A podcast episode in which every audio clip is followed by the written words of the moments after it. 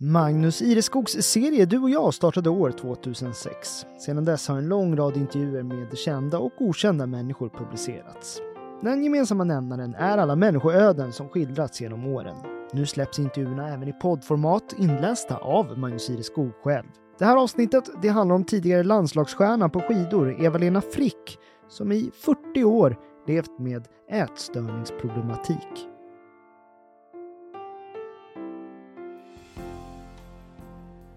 Under åren i skidlandslaget tog självsvälten makten över Eva-Lena Frick. Det blödde när jag gjorde situps för att ryggraden var så knotig, berättar hon i den här intervjun. Nu har hon levt med problematiken i över 40 år. Under 1980-talet var Eva-Lena Frick, då med namnet Karlsson, en av landets mest lysande längdåkningsstjärnor. Under nio år tävlade hon för Sverige på såväl junior som seniornivå. Bland annat deltog småländskan i olympiska spelen i Sarajevo 1984, i två världsmästerskap för seniorer och flera andra internationella tävlingar.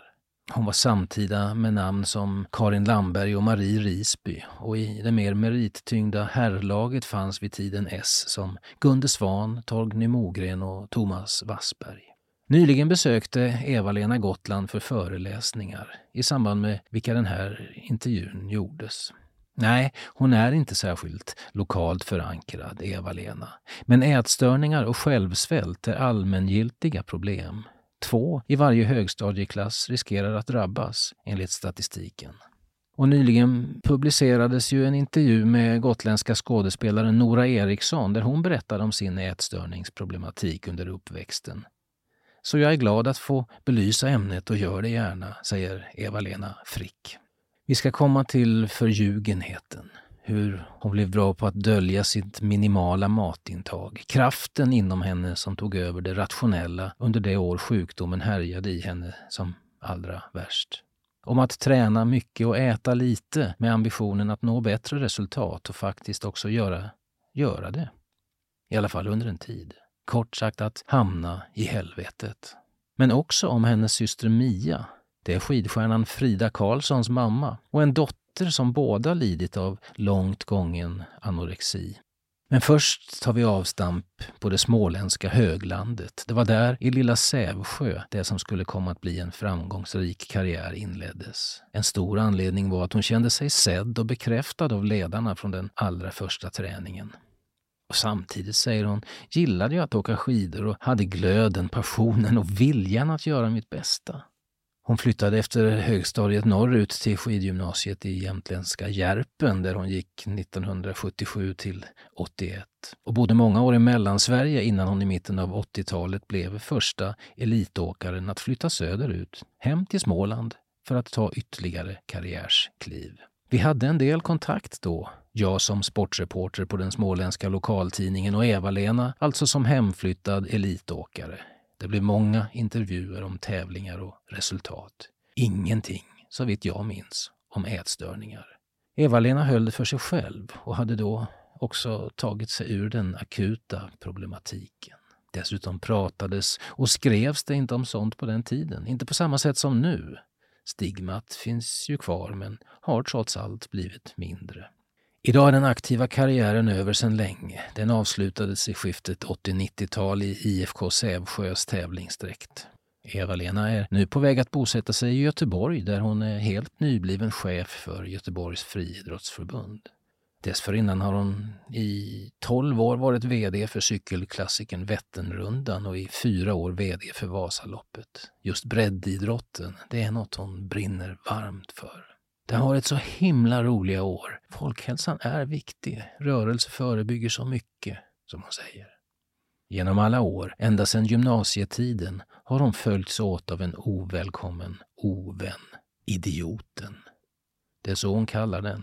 Anorexin. Den hon drabbades av i 20-årsåldern men relativt tidigt lyckades snärja sig ur men som hon också tvingats se från sidan och som hon nu på olika sätt haft i sitt liv i över 40 år. För Eva-Lena började problematiken i Järpen.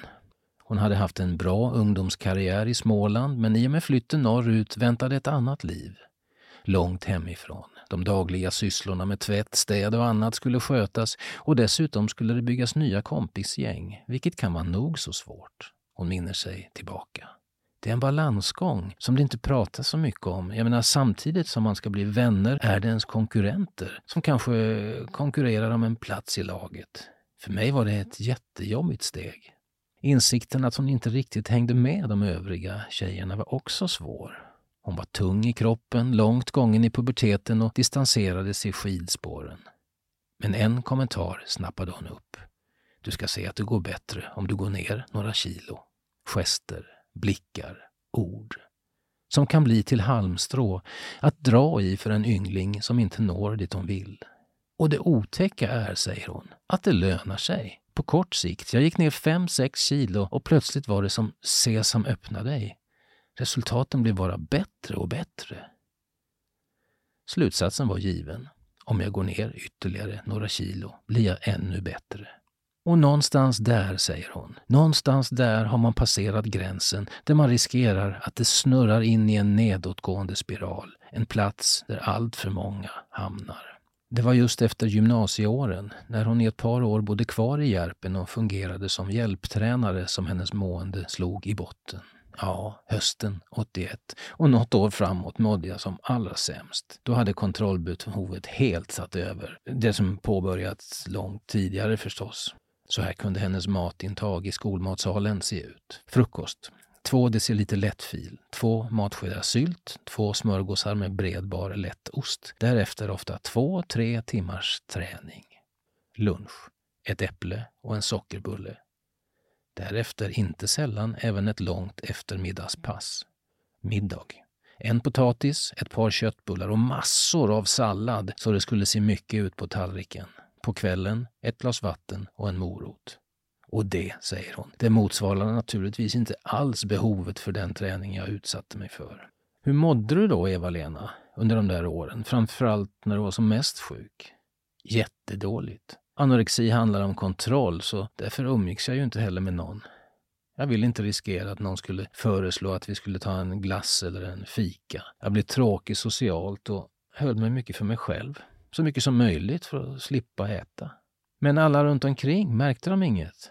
Nej, säger hon. Nej. Jag blev expert på att dölja mina minimala matintag. Bland annat genom de där salladsbergen på tallriken. Räddningen blev när det gick mot tävlingssäsong. Måndag till fredag på skolan, helgerna ute på tävlingar där hon bodde tillsammans med klubbkompisar. Där hade hon svårt att dra sig undan och ville egentligen inte heller. Det betydde mycket för mig. Jag ville vara en i gänget, så utan att de visste om det hjälpte de mig med att komma ur det där. Jag kunde till slut inte hitta några ursäkter för att inte följa med och fika. Däremot var ätstörningar, säger hon, inget det pratades om. Det var helt och hållet tabu. jag hade tur att sno mig ur det där. Jag gick ner 10-15 kilo och vägde kanske 50 eller något sånt. Jag satt inte fast i helvetet så länge. Många var mycket värre drabbade än mig. För de som ville och kunde se syntes det däremot på henne. Som Eva-Lenas sju år yngre syster Mia, som även hon kom att bli skidlöpare i landslaget.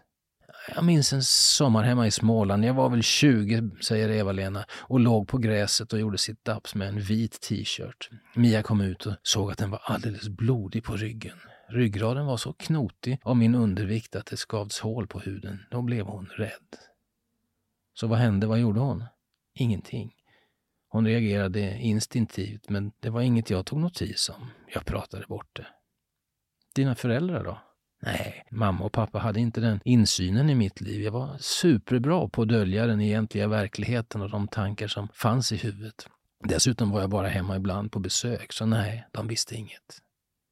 En annan ingång till ätstörningarna var jämförelsen med det norska landslaget vars kvinnliga åkare var stöpta i samma form långa, smala och med långa ben. De blev såklart en målbild för resultatjagande svenskor. Idag ser Eva-Lena klart det som inte var lika klart då. Man måste ju utgå från sig själv och sina egna förutsättningar. Det insåg inte jag. Jag ser ut som jag gör och mina ben blir inte längre för att jag går ner i vikt. Men det är svårt att se när man går med fel tankar. Norska tidningen Dagbladet har i en granskning kartlagt ätstörningsproblematiken inom den norska längdåkningen genom att kontakta de 40 kvinnliga åkare som representerade landslaget på junior och seniornivå mellan 78 och 86. Resultatet var nedslående. Av de 31 som svarade uppgav 35 procent att de led av ätstörningar under aktiva karriären. 67 procent av dem drabbades redan under tiden i juniorlandslaget. En av Eva-Lena Fricks konkurrenter, Sissel Bjerkenås, var nära att mista livet. När hon mådde som sämst vägde hon 36 kilo. Hypotetisk fråga, Eva-Lena, men hade du kunnat nå längre i karriären utan anorexiproblematik? Ja, säger hon. Det är jag fullständigt övertygad om. Förutom att själv varit drabbad har Eva-Lena alltså även haft och har idioten i sin närhet. I 40 år har monstret påverkat hennes vardag. Aldrig har det gått att koppla bort. Det är tufft att själv drabbas, men att se människor i sin närhet dras in i det här, det är fruktansvärt. Man blir fullständigt maktlös. Syster Mia var riktigt illa däran i slutet av 80-talet. Och som förälder har Eva-Lena alltså också upplevt kampen på än närmre håll sedan ena dottern insjuknat. I hennes fall utan att det har något med idrott att göra. Att känna ständig oro och frustration, det tär. Mm, hon har tagit sig ur det värsta, men det var tio års kamp där hon vid två tillfällen var inlagd på ätstörningsavdelning. Det är ett helvete. Så många människor utan självinsikt att de faktiskt håller på att svälta sig till döds. Det viktiga är att lära sig se signalerna, som förälder, tränare, medmänniska. Om en person är på väg att passera tröskeln kan den petas tillbaka på rätt sida, bara omgivningen förmår lägga pusslet.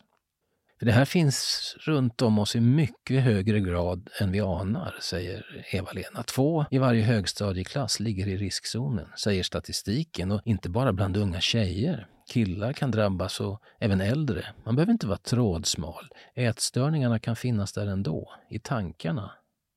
Så vad kan och bör man som utstående göra, tycker du? Reagera och agera.